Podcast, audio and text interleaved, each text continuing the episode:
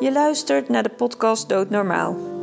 Ik ben Winnie Bos van Doelawijzer en in deze podcast ga ik in gesprek met professionals die met de dood in aanraking komen en hoor je persoonlijke verhalen over het levenseinde.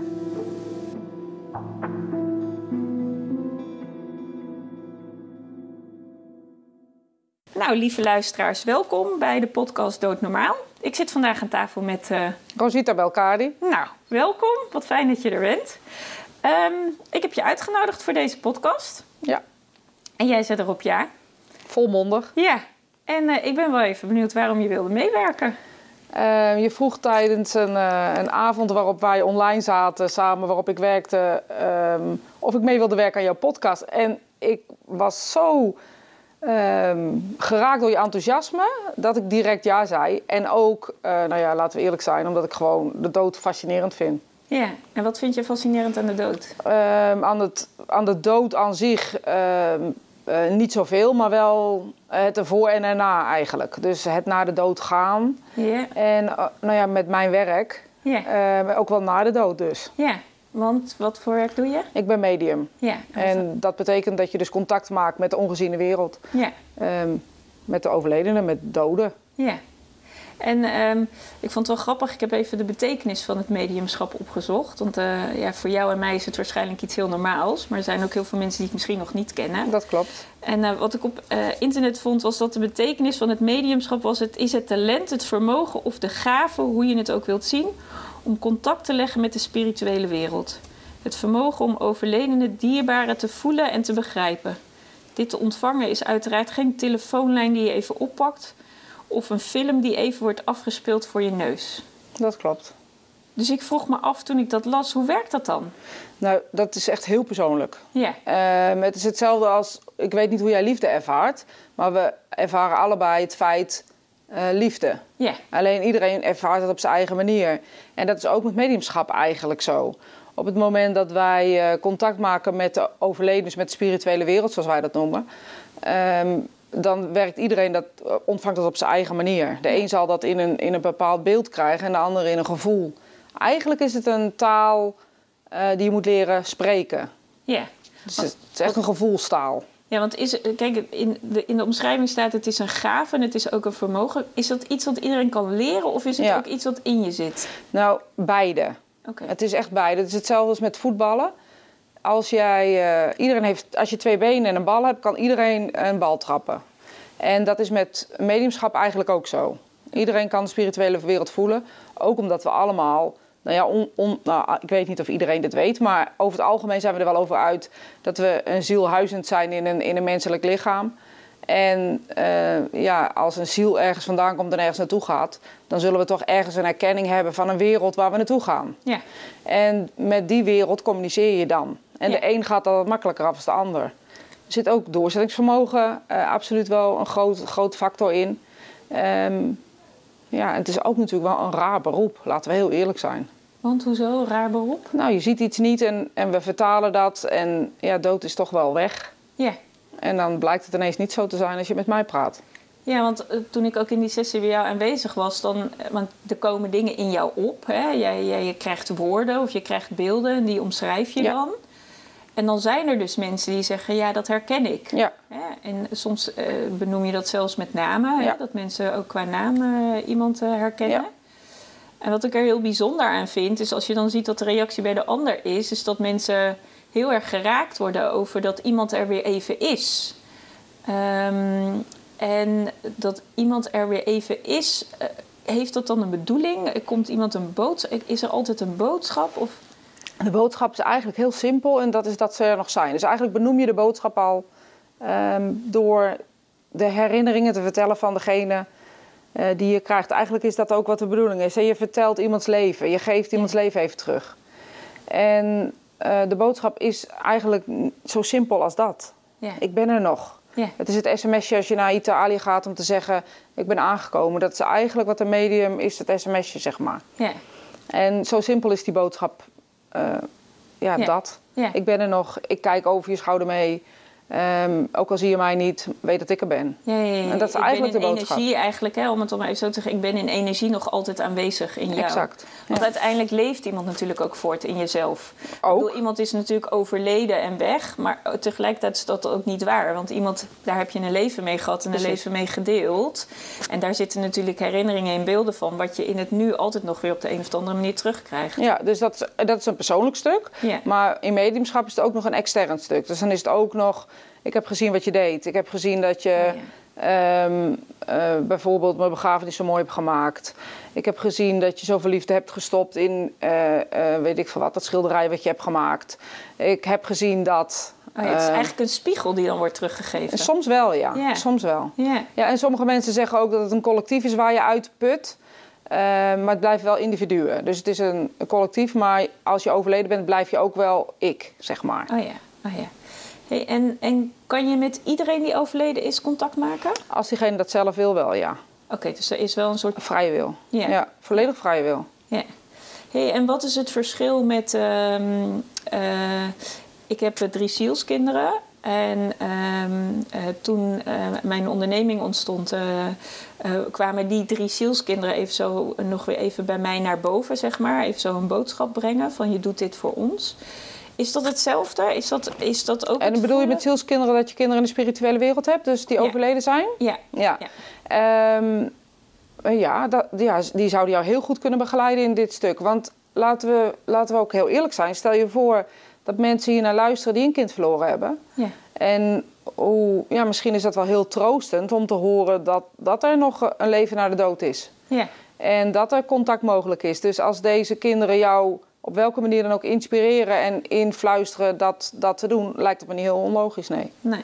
Dus, eh, dus eigenlijk zeg je, ik bedoel, dat mediumschap is jij eh, herinnert je heel erg mensen eh, waarin je gewoon namen opkrijgt en beelden die je dan gaat delen in een groep mensen die je om je Ja. heen hebt, waarvan je misschien mensen kent of niet kent. Nou, 9 van 10 keer niet kent. Nee. Ja. En, en ik heb eigenlijk ook een klein. ja, ik weet niet of dat mediumschap is, maar ik vind dat heel bijzonder als dan ineens weer eh, die kinderen zo voorbij komen. Dan denk je, hoe werkt dat dan? Nou, ongeveer hetzelfde. Oké. Ehm, ik, ik doe het altijd andersom. Stel je voor dat je zelf dood bent. Ja? Wat zou jij doen? Als je ziet dat een van je geliefden worstelt. Of een idee hebt of eh, graag iets wil en je denkt, ja, dit is echt een goed idee. En diegene kan jou op welke manier dan ook horen, al is het vanuit binnenuit of vanuit buitenuit, dan zou ik dat ook doen. Ja. Ik zou alles in werk stellen om mijn geliefde of mijn mensen waar ik van hou of die ik wil inspireren, eh, te blijven inspireren. Dat verandert Ja, niet. om ze dus een boodschap te sturen Ja. van het is goed wat je doet. Het is En- goed wat je doet, of ga dit vooral doen, of wie weet zelfs nog wel extremer. En misschien krijg je nog wel mensen op je pad die ongeveer hetzelfde hebben gedeeld.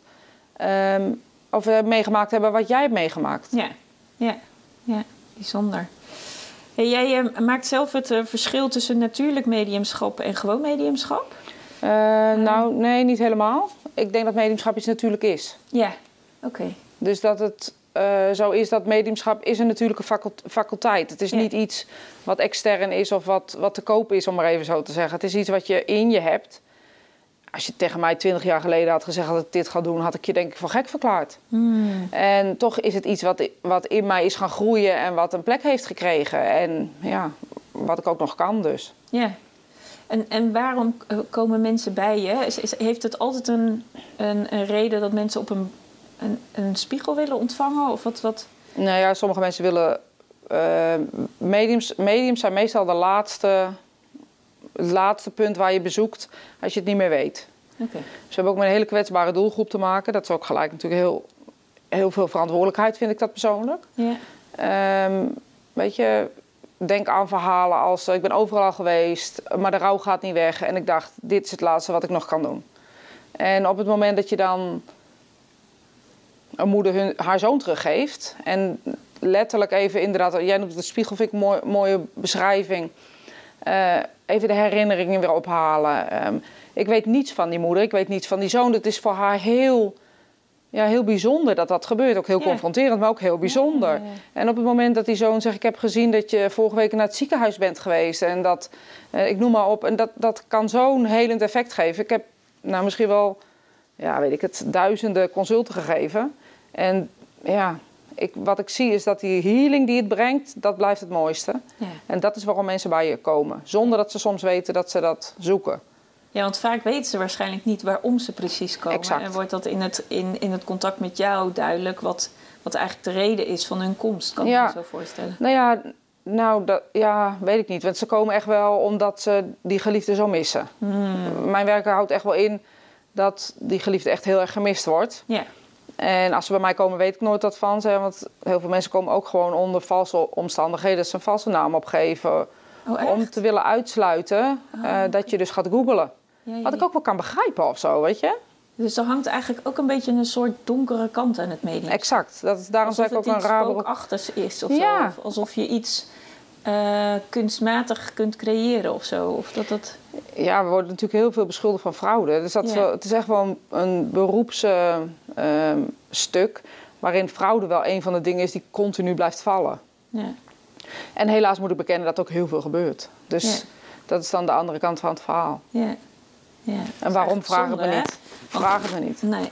Het is zoiets bijzonders, want Ja. sinds mensenheugenis Het is- bestaat al heel lang eigenlijk, hè? want het is al iets heel ouds vanuit de geschiedenis. Ook als je in de geschiedenis terugkijkt. Precies. Mediumschap heeft altijd bestaan. Het is niet iets nieuws. Het Ja, is ik maak iets- altijd grapjes. Ze hebben er ook een heel belangrijk boek over geschreven. eh, die heel veel religies aanhangen, dat boek. Eh, die is geschreven vanuit Jezus. En wat deed hij, weet je? Ja, ja. En, en ik snap, ik wil me niet vergelijken met Jezus, hou me alsjeblieft de goede hoor. Maar het is wel iets wat hij deed en wat mensen dus als heel bijzonder hebben betiteld. ja. En ja, ik denk Delphi, het orakel van Delphi, nou nog langer geleden. En zo kunnen we nog wel in de geschiedenis ingaan. Ja. Eh, Er zijn heel veel mensen die, eh, ja, die hier verhalen over geschreven hebben. Ja, precies. Hey, je had het over het proces naar de dood toe en, eh, en dan als iemand dood is. Waar, waar denk jij dat we heen gaan? Is er iets waar we heen gaan? Ja, hier, om ons heen. Wij zijn ook in die wereld nu, alleen wij zijn eh, materieel. Ja, Weet je, als je vanuit de kwantumfysica bijvoorbeeld bekijkt... ehm, alles is energie en niets bestaat eigenlijk echt. En alles is, eh, zijn er moleculen, zeg maar. En dat is precies met ons mens zijn ook. ja, Wij zijn nu solide en vast en dat is wat we waarnemen. Maar in wezen is dat op het moment dat we overgaan eh, naar de ongeziene wereld... eh, is dat hetzelfde, alleen is het geen materie meer. Nee. Ja, ik, ik omschrijf het altijd met eh, we komen als een ziel op deze wereld met een boodschap. En die vergeten we dan altijd als we op de wereld worden gepoept. hè? Want ja, ik Ja. bedoel, het is toch altijd een soort eh, proces hè? hoe dat uit een vrouw gaat.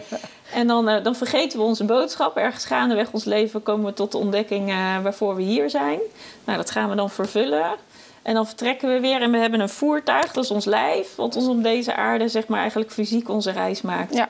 En dan op het moment dat we overlijden, dan ver- verlaten we ons fysieke lichaam en dan gaan we weer als ziel verder in het proces van om weer terug te keren voor weer een nieuwe les die we te leren hebben. Ja.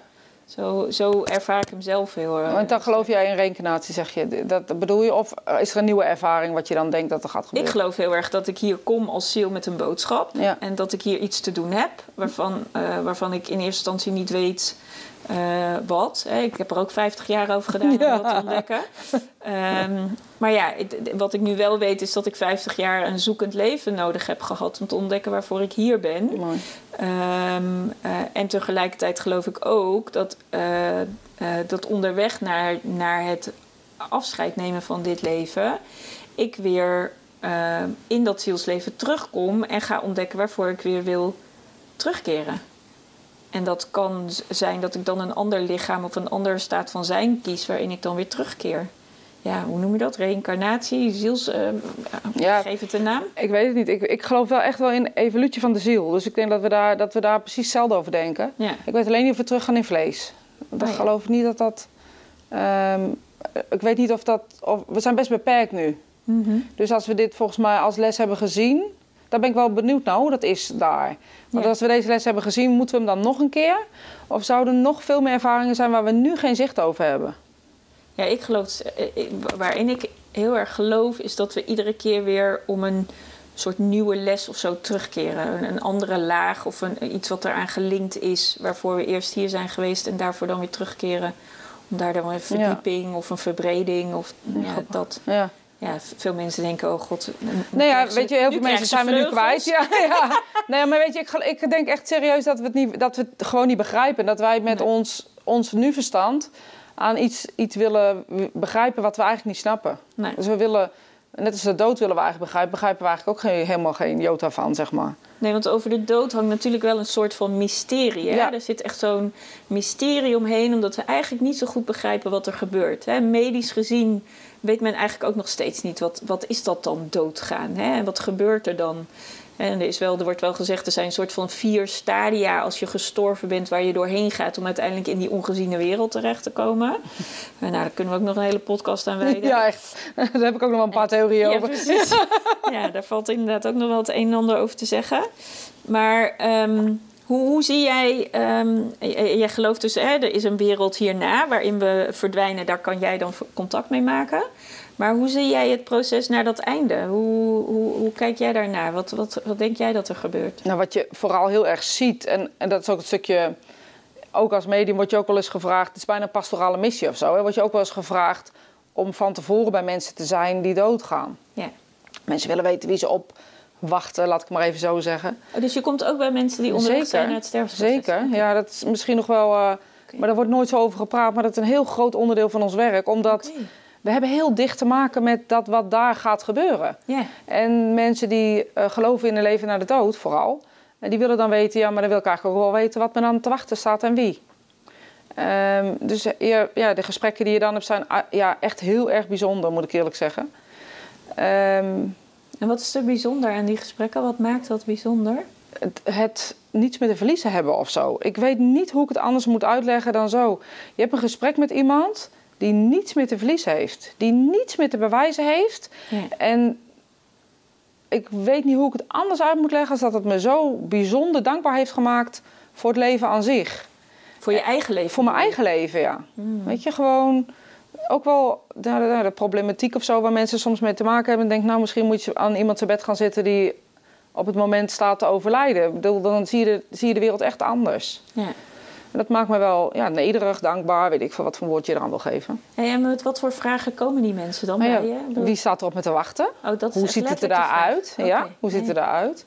Doet het pijn? Ehm, eh, denk je dat ik er veel last van zou hebben? Maar mensen hebben het meeste last van loslaten. Ja. Niet van doodgaan. En, en doodsangst, is dat er ook bij hen? Zeker ook mensen die echt heel erg geloven in een leven na de dood. Ik heb een collega begeleid eh, naar het einde. En eh, zij was echt bezig met eh, hetzelfde waar ik mee bezig ben. Overtuigd zijn dat er een leven na de dood is. En op het moment dat zij voor die, die deur stond, was ze zo bang dat het allemaal een façade zou zijn.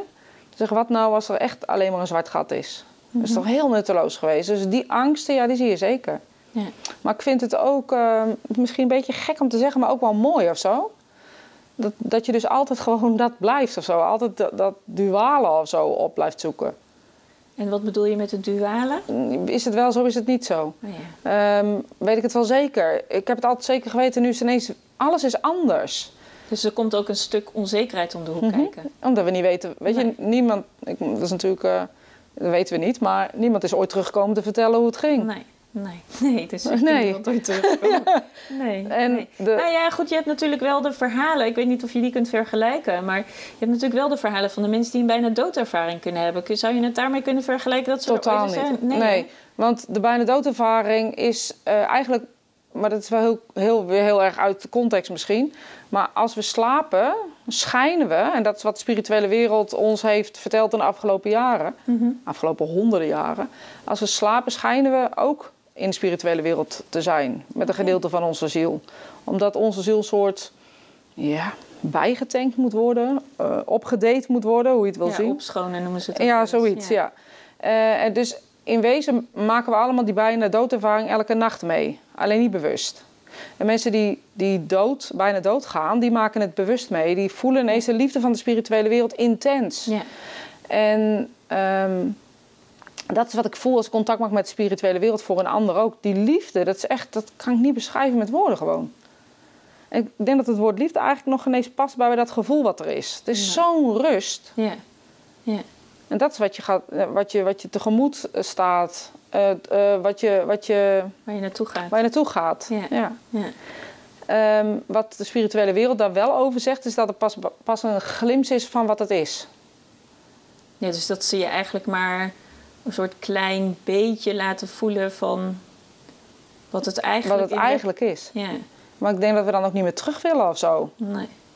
Nee, We zullen wel hier niet voor niks zijn. Ik bedoel, nee, nee, zeker.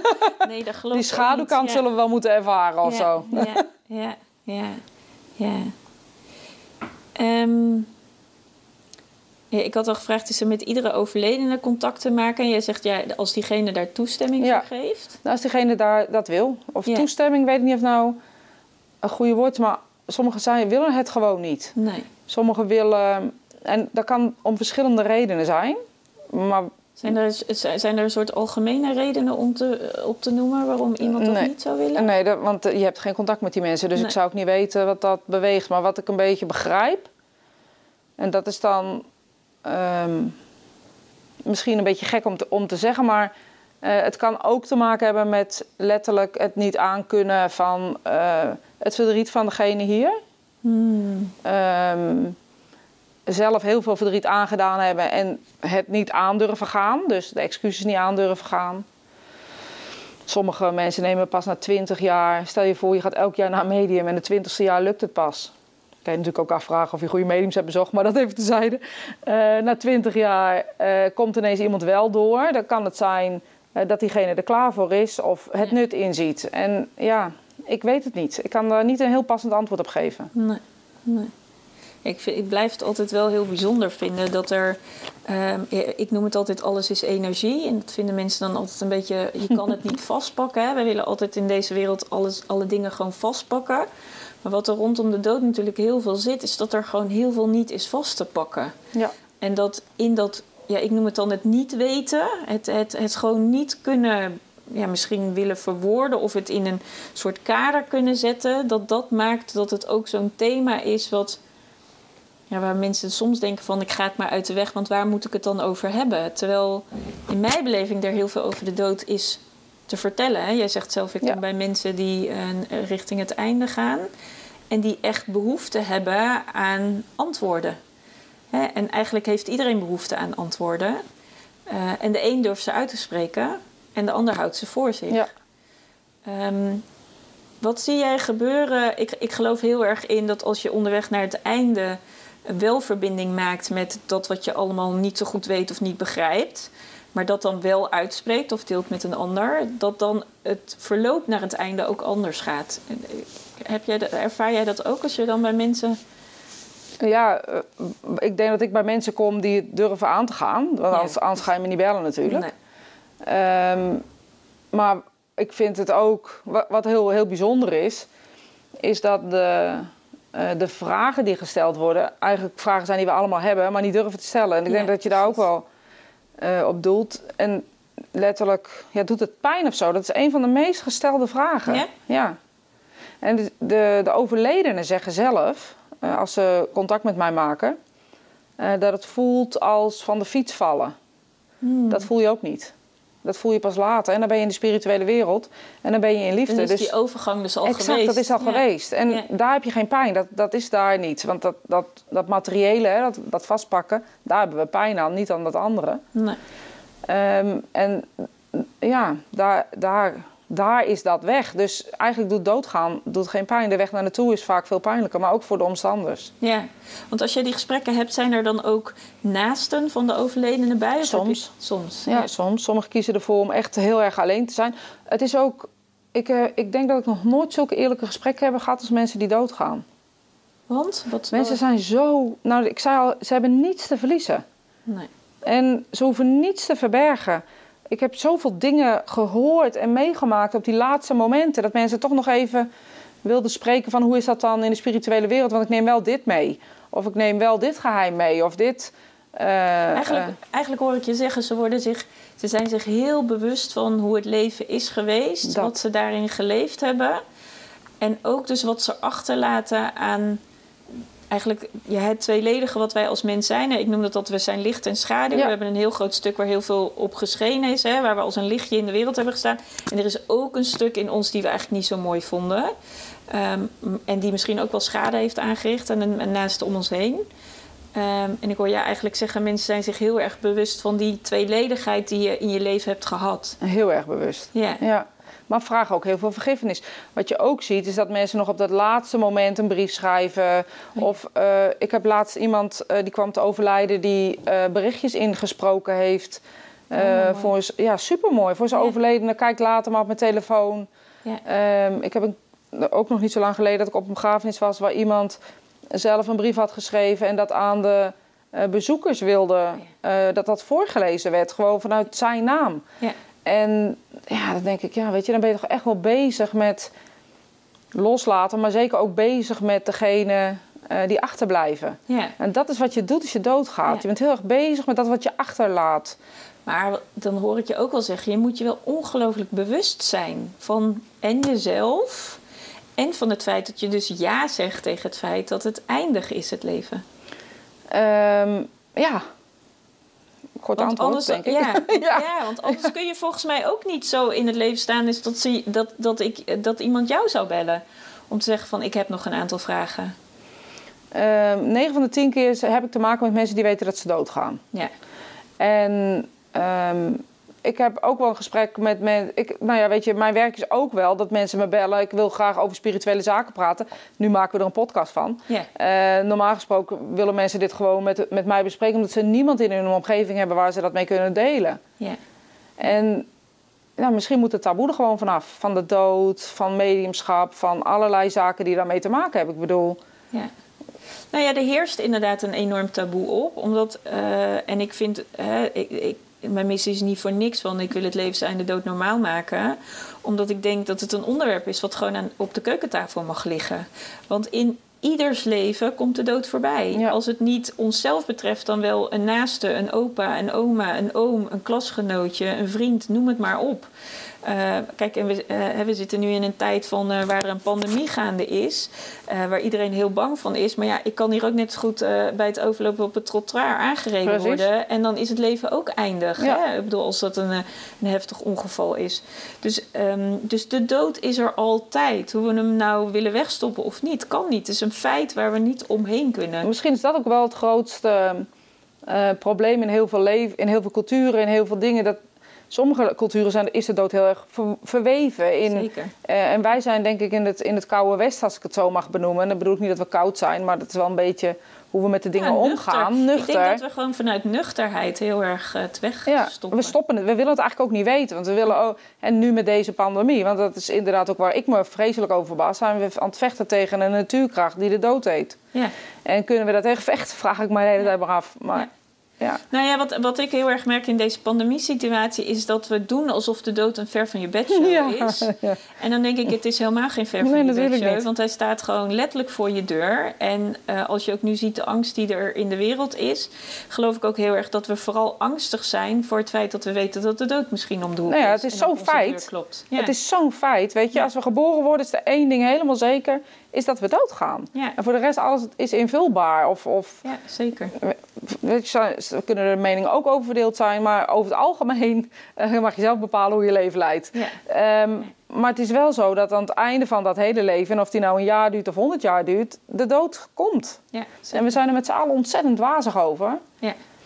ja, ik vind het ook, hoe gek het ook klinkt, iets heel moois. Het fascineert me ook. Ja. Ja. Ik heb me altijd al gefascineerd, ook als kind. Ja, ja, ja. Ja, hoezo? Ja, dat vond ik altijd fascinerend. Begrafenissen. En uh, dat klinkt natuurlijk super gek, want ik wilde helemaal geen begrafenisondernemer worden of zo. Nee, nee, nee. Maar ik dacht altijd wel, wat gebeurt hier nou eigenlijk? Weet je, daar kon er altijd echt heel gefascineerd naar kijken. Ja. Want als jij nou zo weet als jij doodgaat, ja, als, je, als er nou een moment komt waarin jij de boodschap krijgt, zoals jij bij mensen aan tafel zit. Nou ja, sterker nog, twee jaar geleden heb ik natuurlijk kanker gehad. Oh ja. En uh, toen uh, kwamen ze erachter dat ik een ontzettend uh, bijzondere vorm van kanker had. En dat bijzondere moet je dan negatief zien. Mm -hmm. um, en dat we niet wisten wat daar ging gebeuren. Dus ik heb hem wel even voor mijn neus gehad. Ja, en wat deed dat met je? Um, de angst voor mijn kinderen. Dat is het enige wat het met me deed. En dat is heel gek natuurlijk, want eigenlijk ben ik helemaal niet bang om dood te gaan. Maar wel bang om achter te laten. Ja, en dat is denk ik vaak het probleem. Hè? Als we het leven los willen laten voor dat wat we achterlaten. Ja. Dat we eigenlijk ook vaak, los van onze doodsangst, zeg maar ook de angst hebben van... en wat, wat gebeurt er dan met degene die wij achterlaten? Ja, precies. Wordt het dan wel, komt het dan wel goed of zo, weet je? En ik geloof echt wel dat het goed komt. Maar ik denk dat dat iets menselijks, uh, menselijks moederlijks, uh, hoe je het ook wil noemen. Ja. Um, ja. ja. Hey, en en ehm, je bent er dus eigenlijk heel dichtbij geweest dat het er mogelijk aan zou zitten te komen. Eh, ben jij dan ook iemand die je eigen dood wil regisseren in de zin van dat je onderweg naar dat proces ehm, ehm, ja, bewuste dingen voor je kinderen nog wil regelen? Of, of misschien, hè, je, je, zei net de brief die geschreven wordt door degene die is overleden. Of heb jij iets waarin je zegt van, eh, zo zou ik het doen? Nee, ik heb er wel over nagedacht. En ehm, op dat moment was er ook een vriend die, die heel slecht lag. En daar hebben we ook mee over gesproken. Um, ik, ik geloof dat ik daar te open voor ben. Dat, Wat bedoel je daarmee? Ik heb eigenlijk altijd, al, zeg ik altijd alles. Oké. En dat is misschien een beetje gekkig. Uh, maar ik ben heel open als iets met dwars zit naar mijn kinderen. Of als er iets gebeurd is. Of excuus aanbieden. Ik doe eigenlijk altijd alles in het nu. Mm. Uh, dat is niet heel makkelijk, kan ik je vertellen. Ook niet handig, kan ik je ook vertellen. Uh, maar het is wel hoe ik ben. Yeah. Um, zou ik brieven schrijven? Ik weet het niet. Ik weet het niet. Nee. nee. Ik weet, weet het gewoon niet, omdat ik dat niet voor de deur heb gehad op, op die danigheid, of die, in die hoedanigheid dat ik het ook echt moest doen. Ja, ja. Dus ik weet het niet. Ik weet niet of ik dat zou doen. Dat weet ik gewoon niet. Nee, grappig is dat, hè? Terwijl je eigenlijk heel bewust bezig bent met uh, dat je weet dat leven eindig is. Is dat je nog niet echt een programma hebt klaar liggen waarvan je denkt... Nee, maar ik eh, geloof ook wel dat, dat het ook dan in dat ook in het moment moet zijn. Precies. Want ik kan wel denken, ja, wie weet ga ik over twintig jaar dood. Maar ja, misschien ga ik zo meteen wel dood. Ja. En niemand weet dat, weet je. En ik heb liever dan... Ja, ik heb liever vanochtend gezegd dat ik van ze hou. Ja. Als dat ik het op een brief moet zeggen, omdat ik het nooit gezegd heb. Ja.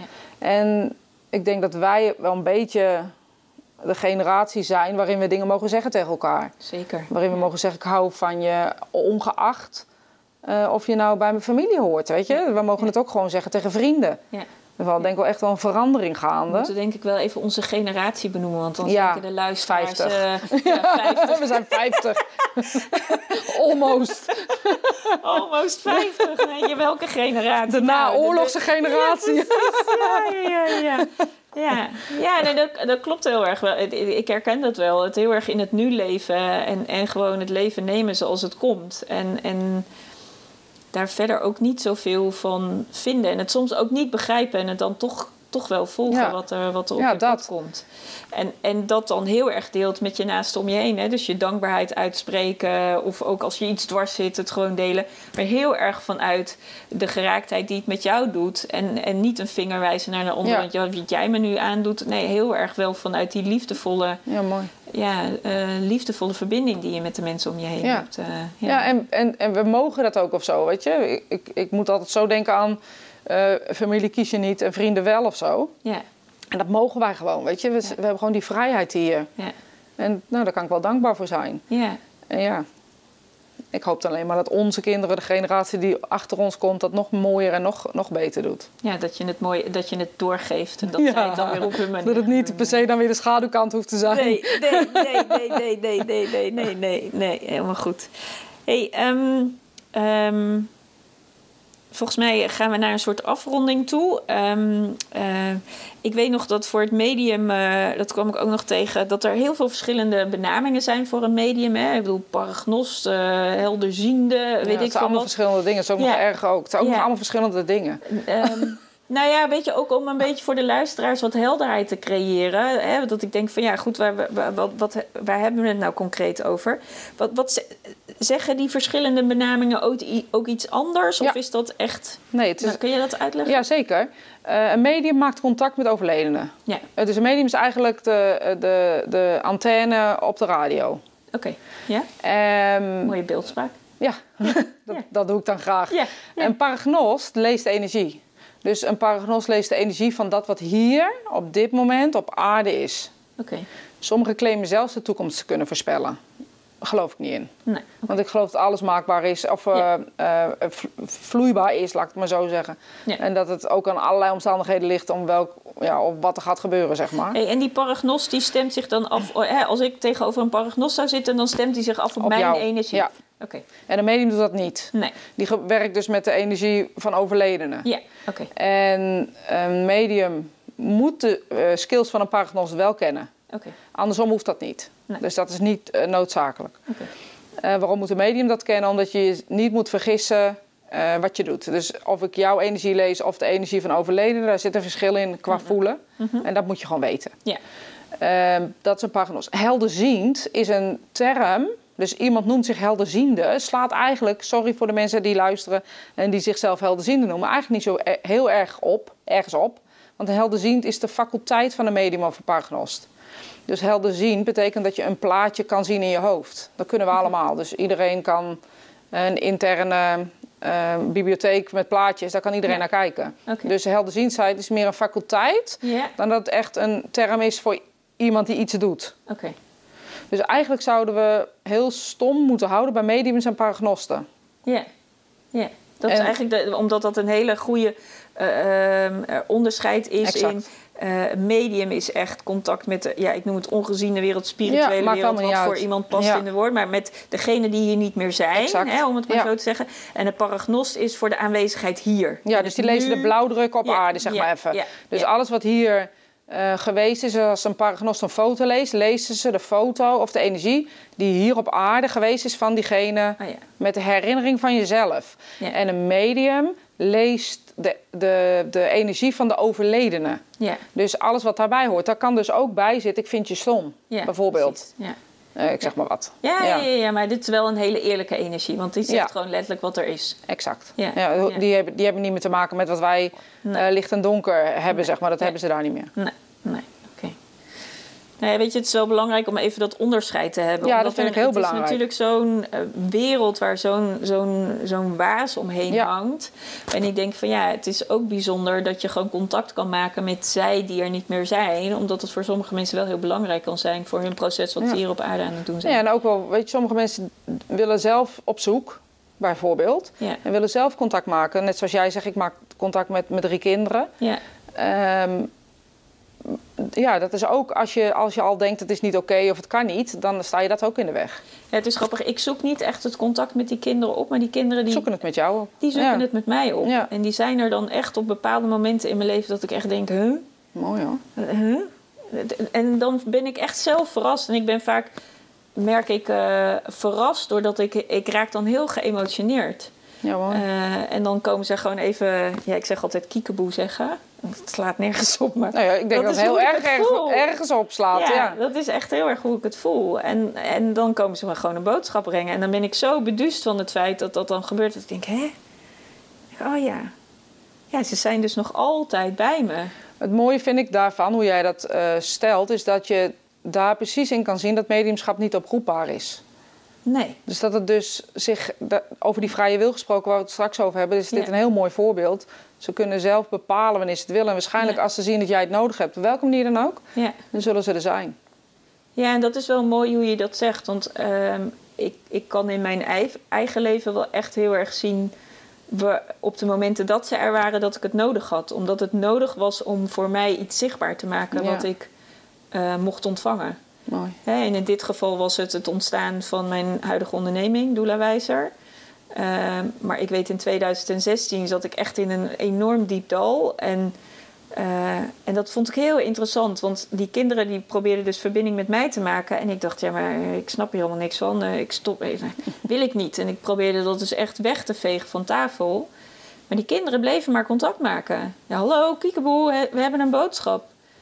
En het was heel mooi, want die boodschap toen er tijd was dat ik met de vader van het eerste kindje weer contact moest maken. Je mag verbinding maken met hem, want je hebt hem een boodschap te vertellen. Dus ik werd echt gestuurd om een boodschap te brengen. Ik dacht, ja, boodschap brengen, twintig jaar geleden met iemand weer contact maken. Super gênant. Nou ja, ja, nee, het was, nou ja, het was heel grappig. Het was helemaal niet gênant. Want wat ik twintig jaar later eh, pas ontdekte... dat vond ik ook wel heel mooi. Dat ik dacht, ja, dat ik die boodschap dan mag ontvangen. Twintig jaar later kwam dit kindje mij vertellen... dat ik de vader van het kindje mocht vertellen... dat ik zijn liefde toen der tijd niet kon ontvangen. Ja, omdat mooi. ik niet, was, eh, niet wist wat ware liefde was. Maar dat ik hem nu, in dat nu van toen mocht vertellen... dat is waarom, waarom wij ook gewoon niet verder konden met elkaar. En waarom wij uiteindelijk ieder onze weg zijn gegaan. Want ja, ik wist helemaal niet wat dat was. Wat is dat ware liefde? Ja, jij was het enorm naar mij aan het zinnen. En ik kreeg er alleen maar Spaans benauwd van. weg, weg, weg. Ja, weet je? Dus dat is dan heel bijzonder hoe... ehm, En ik heb toen een ontmoeting gehad met die vader. Nou, ik kan je echt zeggen, een cadeautje in een, in een notendop. Weet je, een, een, een halve ochtend gewoon fysiek na twintig jaar mee met elkaar doorgebracht. En het was, ja, Mooi. Kan er bijna geen woorden aan geven. Magisch is eigenlijk denk ik het enige wat ik daaraan kan Nou, toevoegen. maar volgens mij heb je hier precies de definitie van mediumschap beschreven. Dus heel mooi gedaan. Ja. Ja. Ja, dus, het is, dus ik gun dat ook echt dat mensen gewoon. ehm, ik denk dat dat mijn boodschap ook is waarom jij hier, denk ik, aan tafel zit. Grappig hoe dingen dan zo ontstaan. hè. Ik vraag jou, geen idee waarom, wij zitten hier, we hebben een gesprek. En nu kan ik echt zo heel erg voelen dat, eh, dat ik de mensen mee wil geven. Is stel je gewoon open voor alles wat er is. Eh, en so- als je het soms niet begrijpt hoe het werkt of waarom je ergens naartoe wordt getrokken, volg het maar gewoon. Want de boodschappen komen niet voor niks naar je toe. En die hebben je echt iets te geven en jij mag het ontvangen. Ik denk dat dat eh volgens Mooie de afsluiting. is van, eh, van dit zijn.